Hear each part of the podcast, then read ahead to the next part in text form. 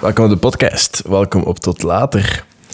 Um, ik ga eigenlijk gewoon eraan beginnen. Het gaat over mijn ervaring in Marokko en hoe dat ik het daar beleefd heb.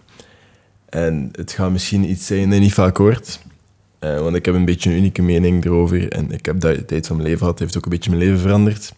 En ik heb het lang uitgesteld om dit te doen. Uh, maar ik kreeg heel veel... Allez, heel veel.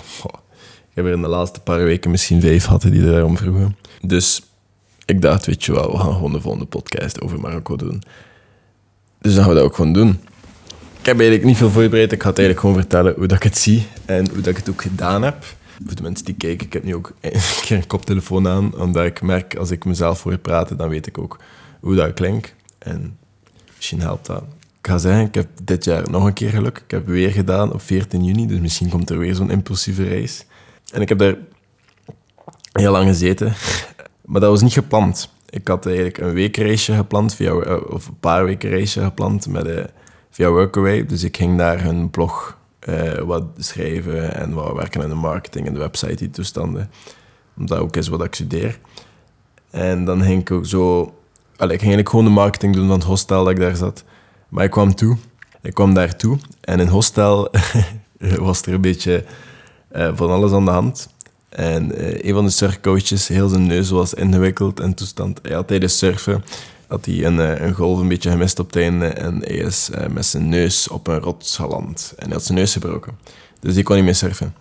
En ze hadden dus dringend nood aan een surfcoach. Nu, ik heb geluk. Ik heb hier zaken, maar ik heb die opleiding en zo gevolgd, dus ik kon dat daar wel doen. Ik heb het toen ook gezegd en toen zeiden ze van oké, dan zie je hier een nieuwe surfcoach, maar dan moet je wel... Um, langer blijven dan dat gepland is. En ja, ik ben toen ook langer gebleven. Ik heb er toen een maand of twee gezeten, denk ik.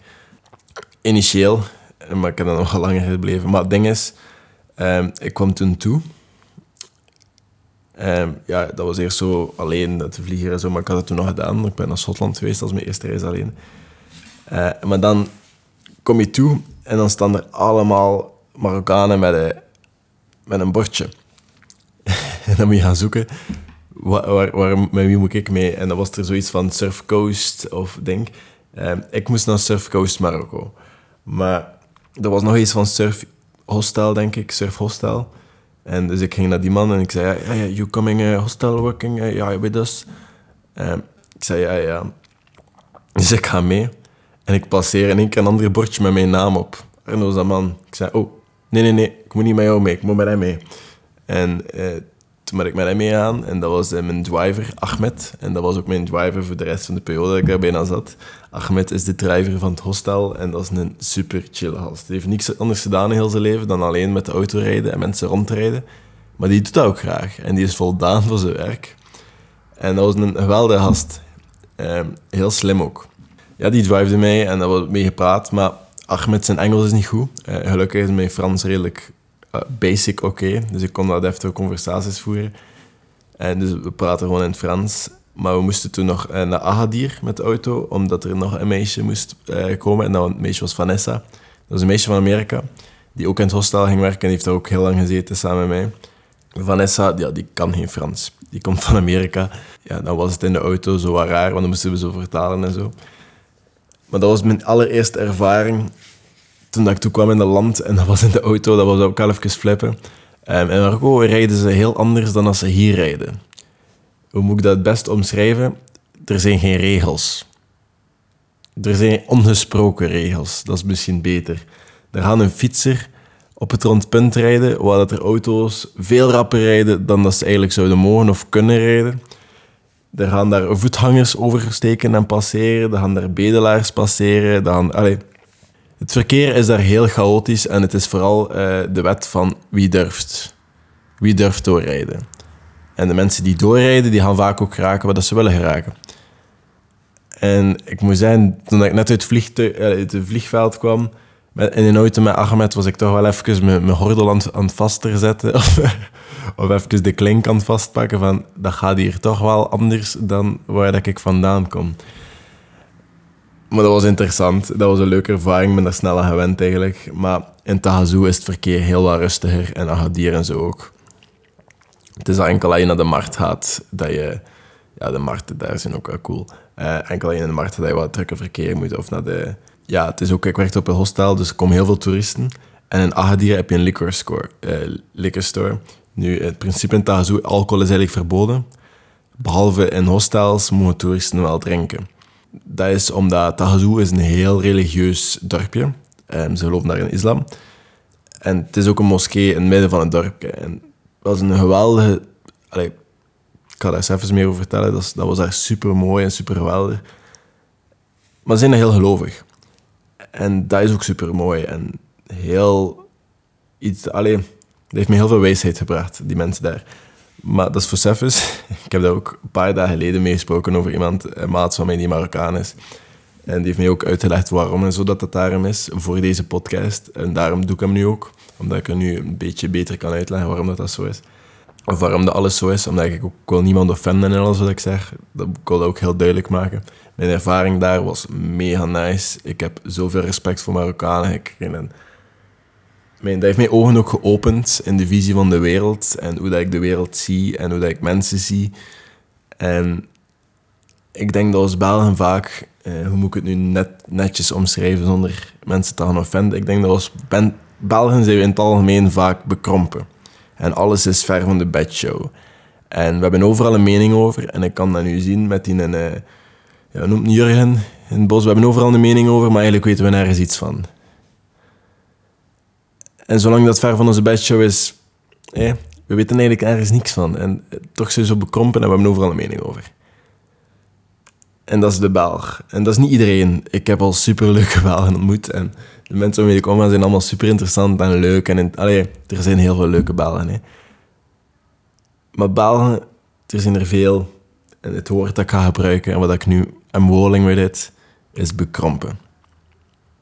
Ja, En toen ik naar Marokko ging, dat heeft een beetje mijn ogen geopend. En dat was zo van, oké, het is niet altijd zo. Het is niet altijd zo, like dat ze zeggen. Waar dat ik was, Tahazou. Heel gelovig stadje, moskee in het midden. En ik kwam naartoe de eerste avond. En dan, eh, omdat ik toen plots van een paar weken naar een paar maanden veranderde in een paar uur, dan hebben ze mij in de plaats van een kamer in het hostel een appartementje gegeven. Dus dat was buiten het hostel, dus ik moest telkens wel wandelen naar het hostel in de ochtend voor het ontbijt, maar dat was, dat was misschien 200 meter of zo, dat was niks. En ik zei het in de zon, zoals ochtends wandelen. I could live with that. Het was nice. Um, en ook zo, mijn hondje die altijd mee had. Dat is het verhaaltje van Sefus ook. nee, uh, ja, dus, ze wandelden me naar mijn appartement en plots had ik daar een appartement. Ik moest hem wel half delen met Vanessa. Maar dat waren zo twee aparte, maar ook zo maar gedeeld. Zo beetje kot. Ik had zo zijn. Maar een eigen kot in Marokko. En dan uh, boven mij zat de yoga-teacher. Uh, dat was ook een ander appartementje. Ze had wel een eigen, volledig eigen appartement. Ja, ze brachten dus mijn appartement. En dan stonden daar zo een kamer met twee stapelbedden en een kamer met een dubbelbed. Al die twee kamers waren van mij. En de eerste week heb ik geslapen in een stapelbed op bovenste bed. Because that's me. ik was zo, ja, ik ga het stapelbed van boven slapen. Ik heb dat wel niet lang volgehouden. Ik ben in een dubbelbed verhuisd aan het tijdje. Maar ja, ik vond het wel leuk in het begin. Zo in stapelbed van boven slapen. Maar ik, ben eigenlijk, ik heb daar eigenlijk gewoon mijn zak neergezet. Ik heb mijn bed gemaakt en ik, eh, ik ben direct naar buiten gegaan. Het was, het was toen al laat. Maar in Marokko, in Tahazou, leven ze ook vooral s'nachts. Om drie uur s'nachts of om twee uur s'nachts moet je niet verschieten als je daar jonge hasjes gaat zien voetballen op een pleintje. Dat is, wel, dat is gewoon omdat overdag daar snack is. Allee, in die periode, want het was toen juni, allee, eind juni toen. Uh, of ja, nee, het was toen 15 juni of 16 juni. Ja, ik ben echt zo de dag net examens vertrokken. Maar dan... Dat was daar snack overdag, dus s'avonds zitten zo... De oude mannen zitten dan theetjes te drinken aan het pleintje, de kindjes zitten te voetballen of zo. En s'avonds ga je daar ook geen vrouwen tegenkomen. Dat is iets dat mij bijna direct opviel. Als donker is, kom je geen vrouwen tegen op straat. En dat, dat is blijkbaar gewoon ook zo met al die religieuze landen, is dat gewoon zo. Dat heeft te maken met geloof en ik ga me daar niet over uitspreken, want ik weet daar heel weinig over. Um, als een atheïst of iemand die niet gelooft, of een beetje eigen geloof heeft, dat, dan is het heel moeilijk om me daarover uit te spreken. Ik ga dat dus ook niet doen. Maar ik vond het wel jammer om zo enkel mannen te zien s'avonds.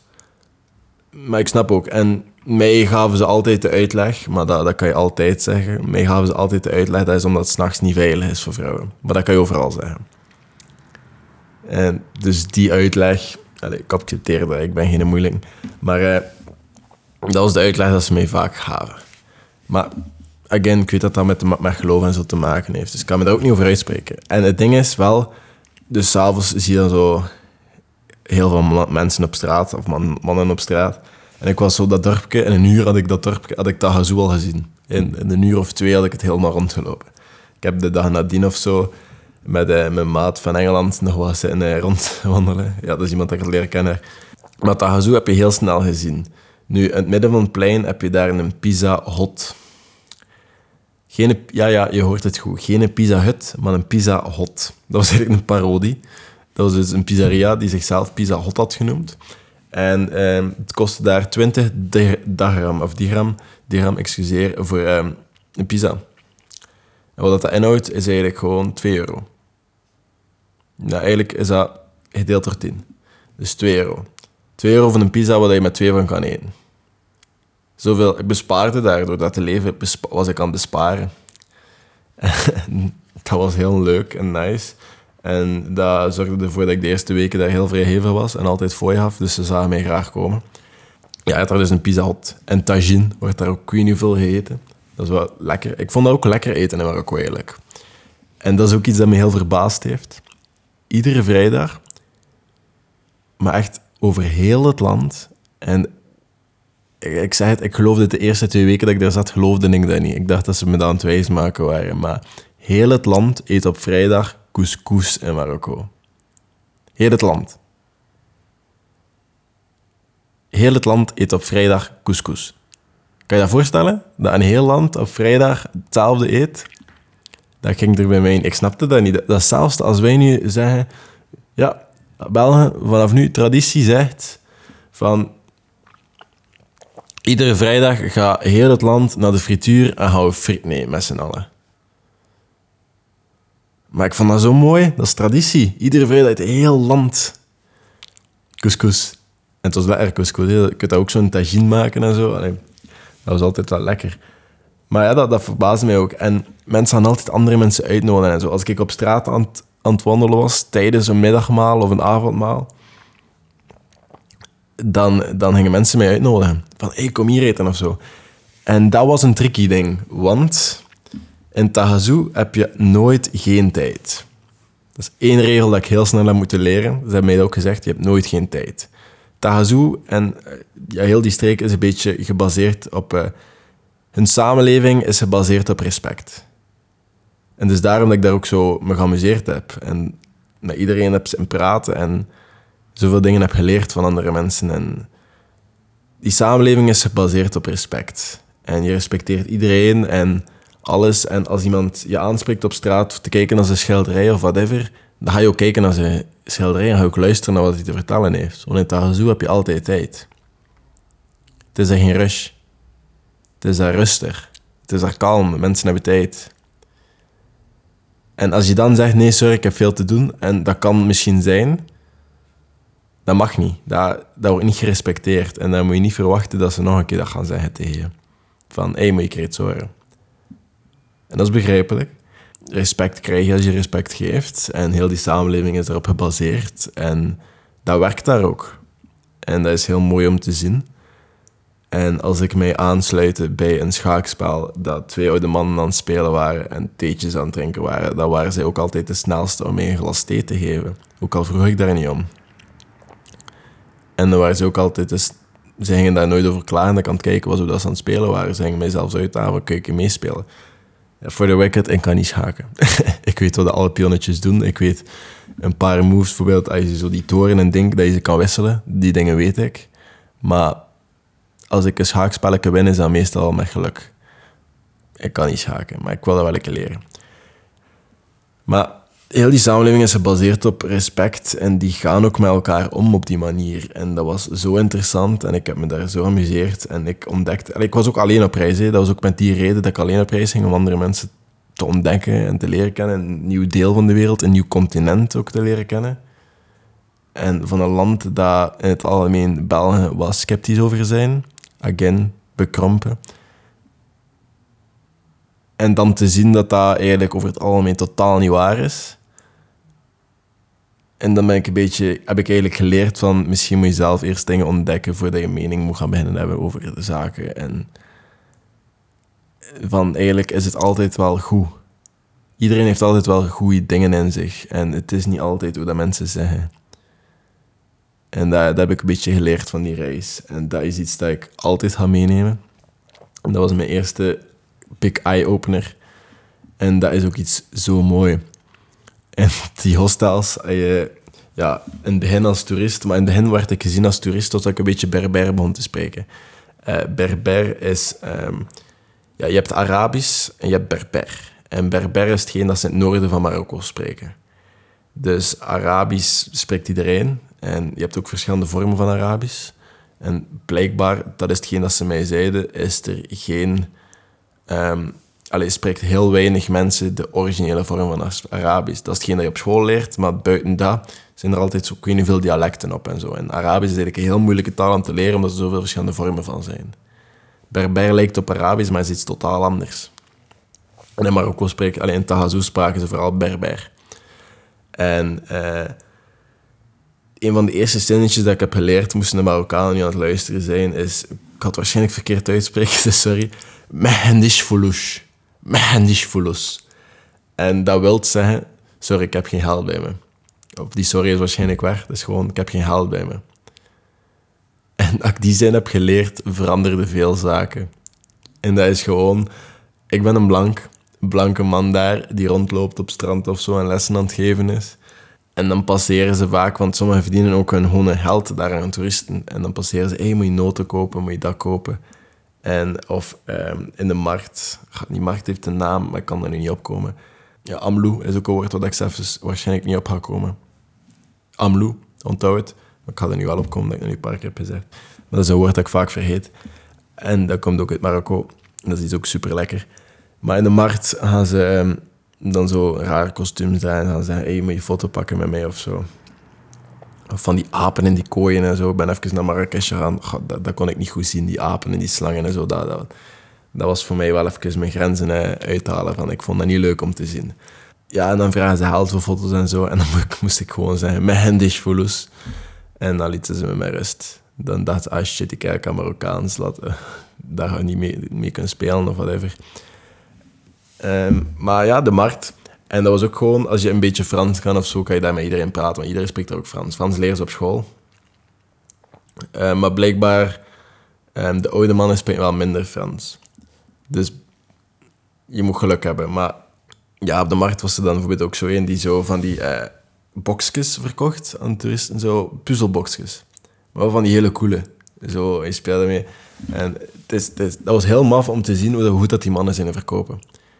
En die, hebben, allee, die had skills om te verkopen. Die had twee boxen verkocht terwijl we die gesprek aan het hebben was met mij. Zo hoe was die. En dat was echt gewoon tonen, een keer laten oplossen. En terwijl was die ook met mij dingen aan het tonen. Allee, die mannen weten heel goed wat dat ze doen en dat is ook een werk. En dat draaide ook goed, dat zaakje. En ik heb gewoon heel die reis zoveel mogelijk absorberen. Allee, nee, absorberen is het verkeerde woord. Zoveel mogelijk beleefd. Dat is misschien het juiste woord. En ik denk dat zo'n reis maken, wat ik heel jammer vind, maar zo'n reis maken als meisje, en ook op onze leeftijd nu, dat dat wel heel wat moeilijker is. Ik als man kon daar heel wat makkelijker alles doen wat ik wou doen. Ik kon makkelijk s'avonds laat rondlopen en dingen ontdekken en gesprekken aangaan met andere mensen. Als meisje had je dat bijvoorbeeld niet meer kunnen doen. Dan moet je in het hostel blijven s'avonds. Ja, dat gaat, die, reis, die exacte reis die ik gedaan heb, gaat moeilijker zijn. Nu wel, wat ik ook heb gedaan, daar was... Um, ja, die eerste avond dat ik daartoe kwam, ik ben proberen het chronologisch worden aan het vertellen, maar dan was er dus ook heel veel hondjes op straat. Dat viel ook zo direct op. Hebt daar heel veel straathonden. En, dat, en, en ze hebben mij ook de dag nadien uitgelegd waarom dat is. Dus ze hebben een aantal honden op straat. En ze hebben een aantal dat er mogen zijn in Tagazu. Dus als er telkens nieuwe geboren worden of zo, dan is er twee keuzes. Oftewel, die mag er zijn en die gaan we inenten en die gaan we alle nodige spuitjes geven, oftewel gaan we hem afmaken. En dat is heel cru. En ik vond dat niet leuk om te horen, maar het systeem snap ik wel. Omdat ze die honden dat ze hebben, daar zorgen ze ook voor. Ze zorgen daar met heel de stad voor. Alle restaurants die restjes hebben, die zetten dat s'avonds op straat. En al die honden kunnen daarvan eten. En zo werkt dat. En die honden zijn allemaal... Allee, die, die, die doen het goed. De honden gaan nooit naar binnen. Dat is ook één regel daar. Er was één hondje en dat was een puppietje. En die volgde mij overal. Die, die ging van het hostel mee naar mijn appartement en dan ging hij daar in de deur buiten wachten. Totdat ik s ochtends opstond. Of die ging in de nacht waarschijnlijk ergens anders slapen. Maar als ik s ochtends opstond, dan stond hij daar. En dan ging ik, mee, ging ik naar het hostel daar, ging die weer in de deur wachten. En als we dan met met de mensen van hostel, die wouden gaan, mee, hostel, excuseer, wouden mee gaan surfen, dan gingen wij in de van stappen en dan ging hij mee in de van. Dan ging hij mee naar Spider Point of nou, whatever surfspot dat we op dat moment gingen. Dan ging hij mee. En dan ging hij daar op strand lopen en ik moest maar één keer roepen. Of fluiten. Ik kan niet fluiten, dus dat was eh, iemand anders dat floot voor mij. Maar die kwam terug. En die ging weer mee in de van en die ging weer mee naar Tahazoo. En ik heb echt zitten nadenken om na die rij, allez, op het einde van die reis van, ik ga hem meepakken. Maar dat was praktisch of bijna onhaalbaar. Heel veel papierwerk en dat ging mij heel veel kosten. En ik had het er misschien wel voor over. Maar eh, ja, ik, ik zag het gewoon niet hoe dat ik het moest doen. En dat was jammer. En dat hondje, ik weet niet of hij nog leeft. Maar ja, dat was, dat was wel een leuke connectie dat ik had met dat hondje. En ja, ik had hem ook César genoemd. maar het is, ik ging daar ook s ochtends mee op strand. Het is een filmpje ergens. Ik weet niet waar dat is. Het is zo'n filmpje dat ik s ochtends... Um, Vanessa had dat gemaakt. Dat ik s ochtends loop met alle honden. En ik deed dat, ik deed dat heel veel ochtenden daar. Dat ik daar met zeven of acht honden aan te lopen was op strand en in het water ging en zo. Ja, ik vind, ik vind honden ook gewoon leuk. En honden vinden mij ook leuk. Dat is een, dat is een wederzijds respect dat we hebben voor elkaar. En dat, dat, dat, dat gaat goed. Het hostel was ook super mooi. Dat was zo allemaal zo zelf gemaakt. Zo die, met tegeltjes was zo die vloer zo. Zo die mozaïeke tegeltjes, dat is iets Marokkaans. Alles is daar handgemaakt. Die hostels worden ook handgemaakt. Wij hebben hier altijd zo zes kranen rond het gebouw staan. We gieten met beton.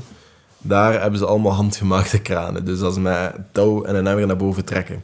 En die dingen. En dat was daar heel primitief. Maar daardoor zijn die huizen denk ik ook veel stabieler en zo. Dat beton, dat, dat is niet gebouwd voor lang mee te gaan, wat wij niet hebben. En je kan dat zien. Oude huizen, die gaan heel lang mee.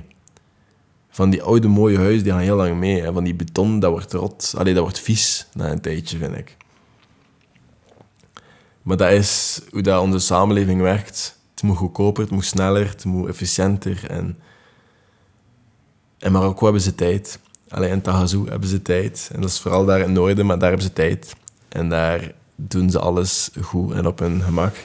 En ze betalen daar ook geen belastingen. Dat was ook iets dat, dat ik ben te weten gekomen. Ze betalen daar geen belasting als je daar een hostel opent. Um, dat was een gesprek dat ik had, ook met een Amerikaanse vrouw, die niet zo ver van Agadir zat. En die kwam af en toe ontbijten bij ons, omdat wij hadden blijkbaar een van de beste ontbijten in deze streek.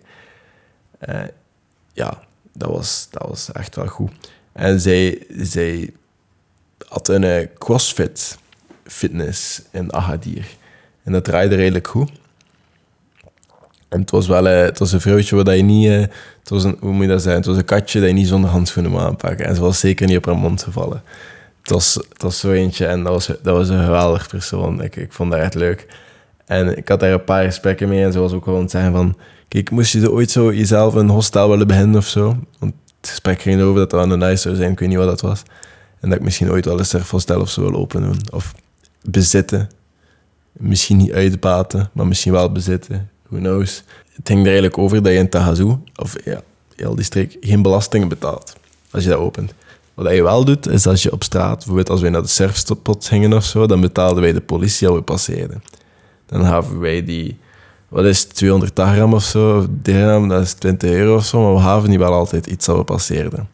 Dat was, dat was hun manier van taxen betalen. Dat was af en toe, als je passeert, je die iets. En dat was hoe dat werkte. Zou je geen controle krijgen, zou je geen misère krijgen, zou je niet tegengehouden worden.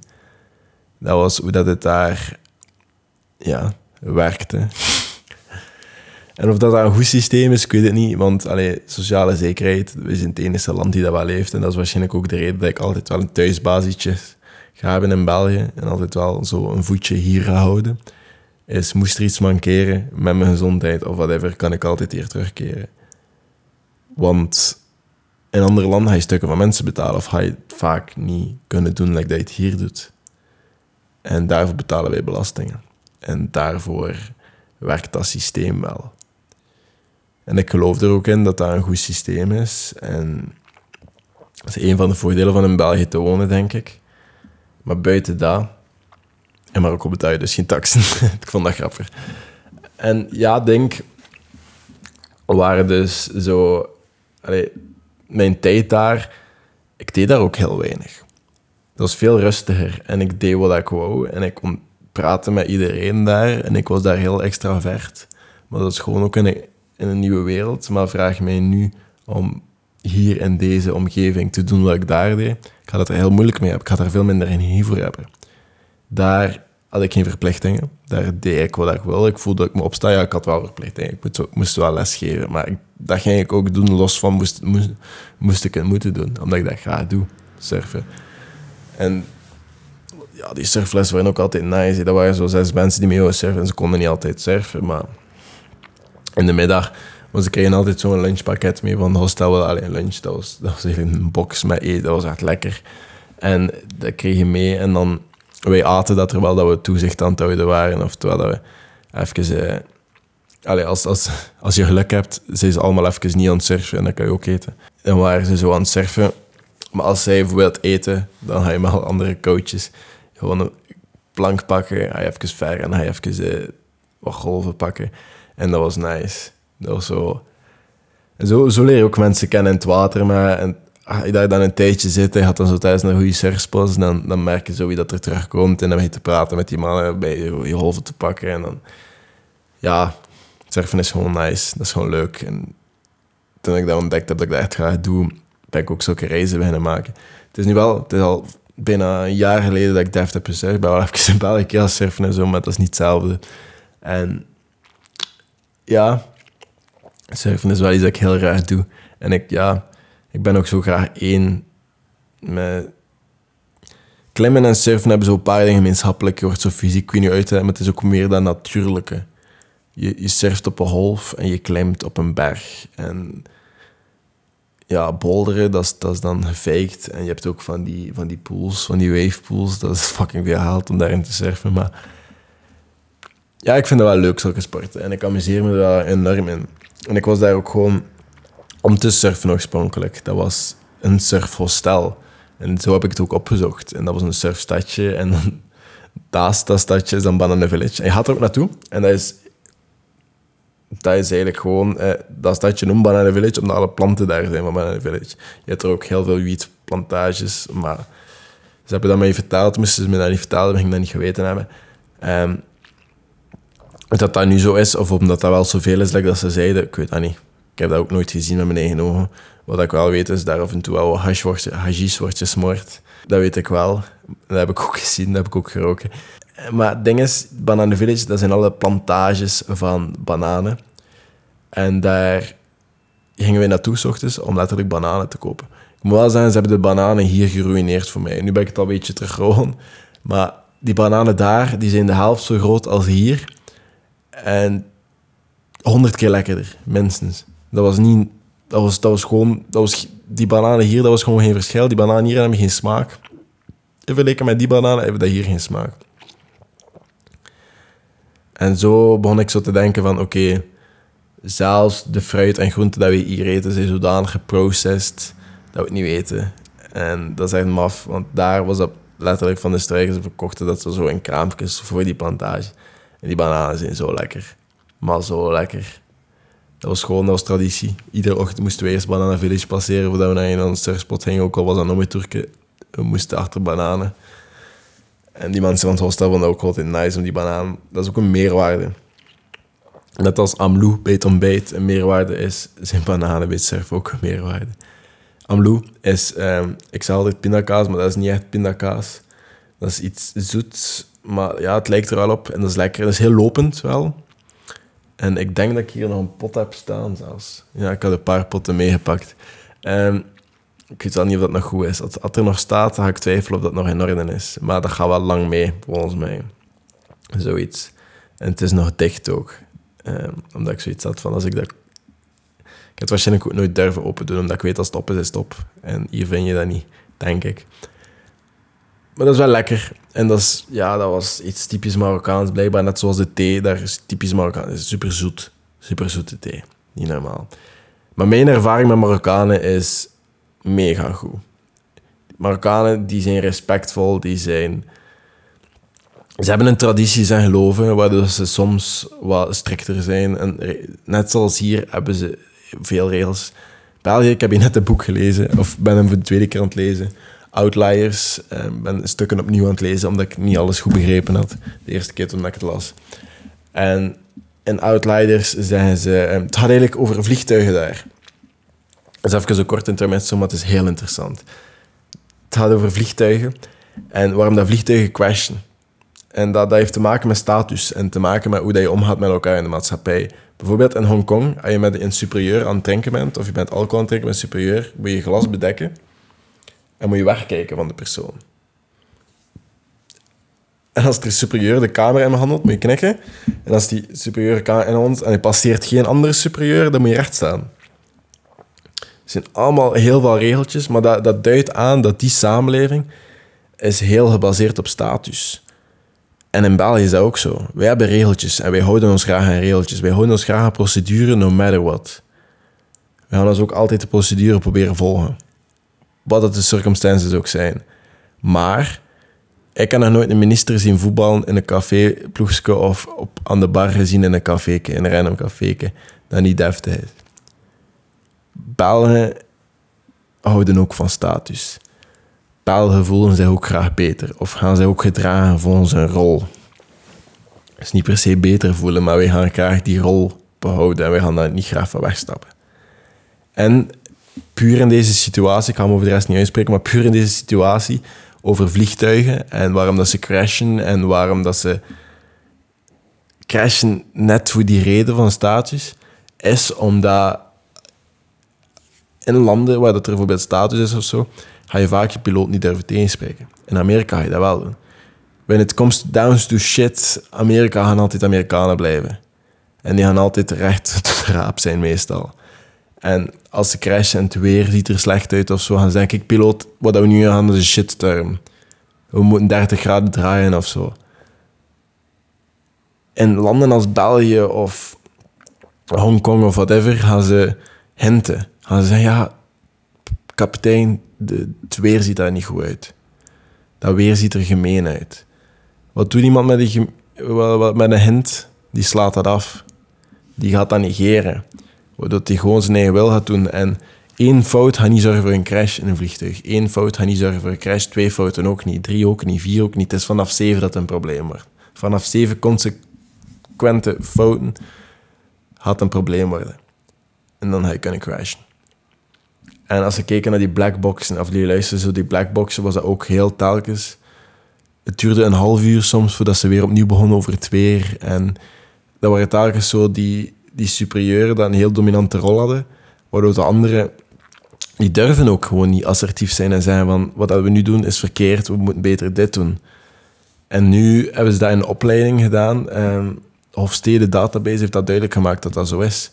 En ze zeiden, die, van Boeing hebben gezegd van oké, there might be something here. En dan hebben ze heel die opleidingen veranderd. En nu leer je ook te zeggen waar dat op staat. En ze leren heel direct zijn. Wanneer je in Amerika komt met vliegtuig en ze moeten daar, allez, ze gaan heel direct zeggen in zo die, die hoe zeg je dat, zo'n station waar je mee communiceert voor je land die gaan niet lullen. Die gaan zeggen waar dat op slaat. En als je dan gaat tegenspreken of je je persoonlijk aangevallen voelt, dan ga je in de shit komen.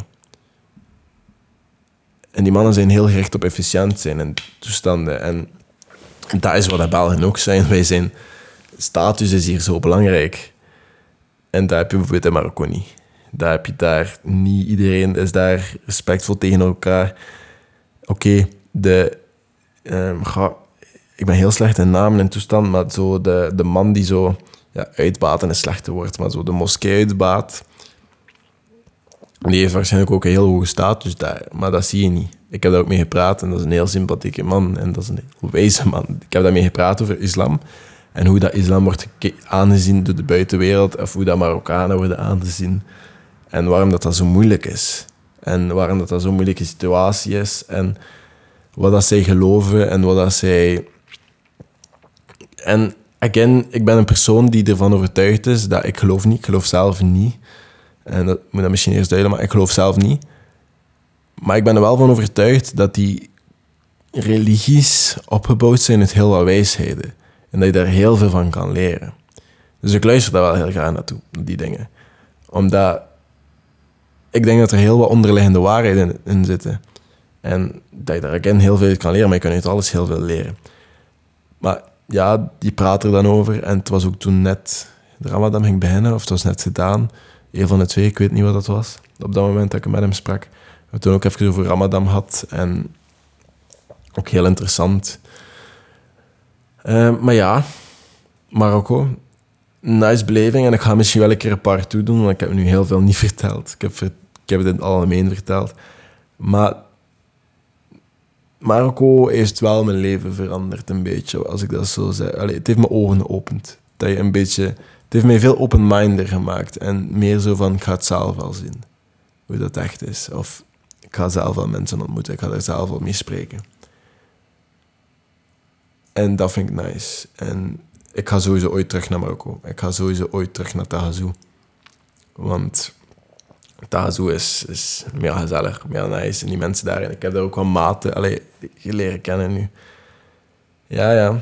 En dat hostel heeft mij ook al af en toe gevraagd wanneer ik keer terugkwam. Omdat ik zo zelf dat ik altijd van die originele spelletjes. Ik ben jaren een geweest.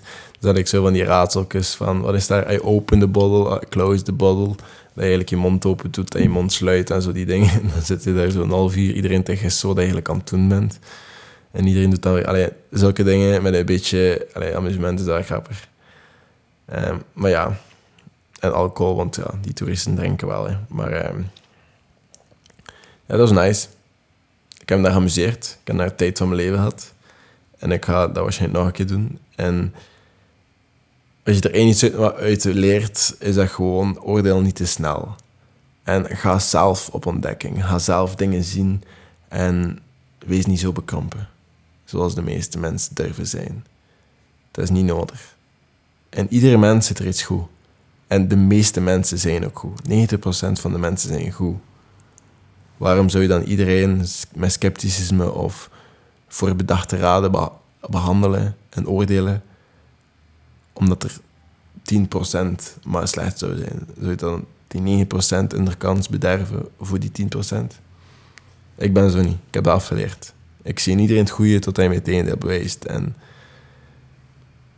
ik heb daar nog altijd heel last van gehad. Dus als je daarin iets van haalt, doe dat. En nog iets, er zullen even geen gasten komen, want ik heb blok. Ik ga waarschijnlijk ook enkel podcast opnemen voor twee weken. Dus dat enkele podcast, ja, maar waarschijnlijk ook niet zien op TikTok voor twee weken. Dat gaat van 3 juni, of pak, pak 31 mei of 30 mei, ik weet niet wat het is, tot, um, tot 14 juni ga je waarschijnlijk niet meer zien op alle platforms. Voor even tot uh, dat de examens gedaan zijn. Ik ga waarschijnlijk wel podcast opnemen, maar het gaat ook even zonder gasten zijn. Ik ga dan een keer investeren in een nieuwe micro en dan ik gasten. Ik heb um, wat berichtjes gehad van jullie. Ik krijg je dat ook nu nog niet op, omdat ik iets heb van... Nu ga ik even nog geen gasten opnemen. Maar dan ga ik wel wat interessante gesprekken hebben met verschillende mensen. En dan gaan we dat ook gewoon doen. En dat komt in orde. Dus ik ga twee weken even in een grot kruipen. Nu nog niet. Je gaat mij nog even zien. Nog een week. en dan ga ik in een grot kruipen voor twee weken. En dan ga ik eruit komen. En, en met tien keer zoveel motivatie. dan komt het wel in orde. Merci om te luisteren.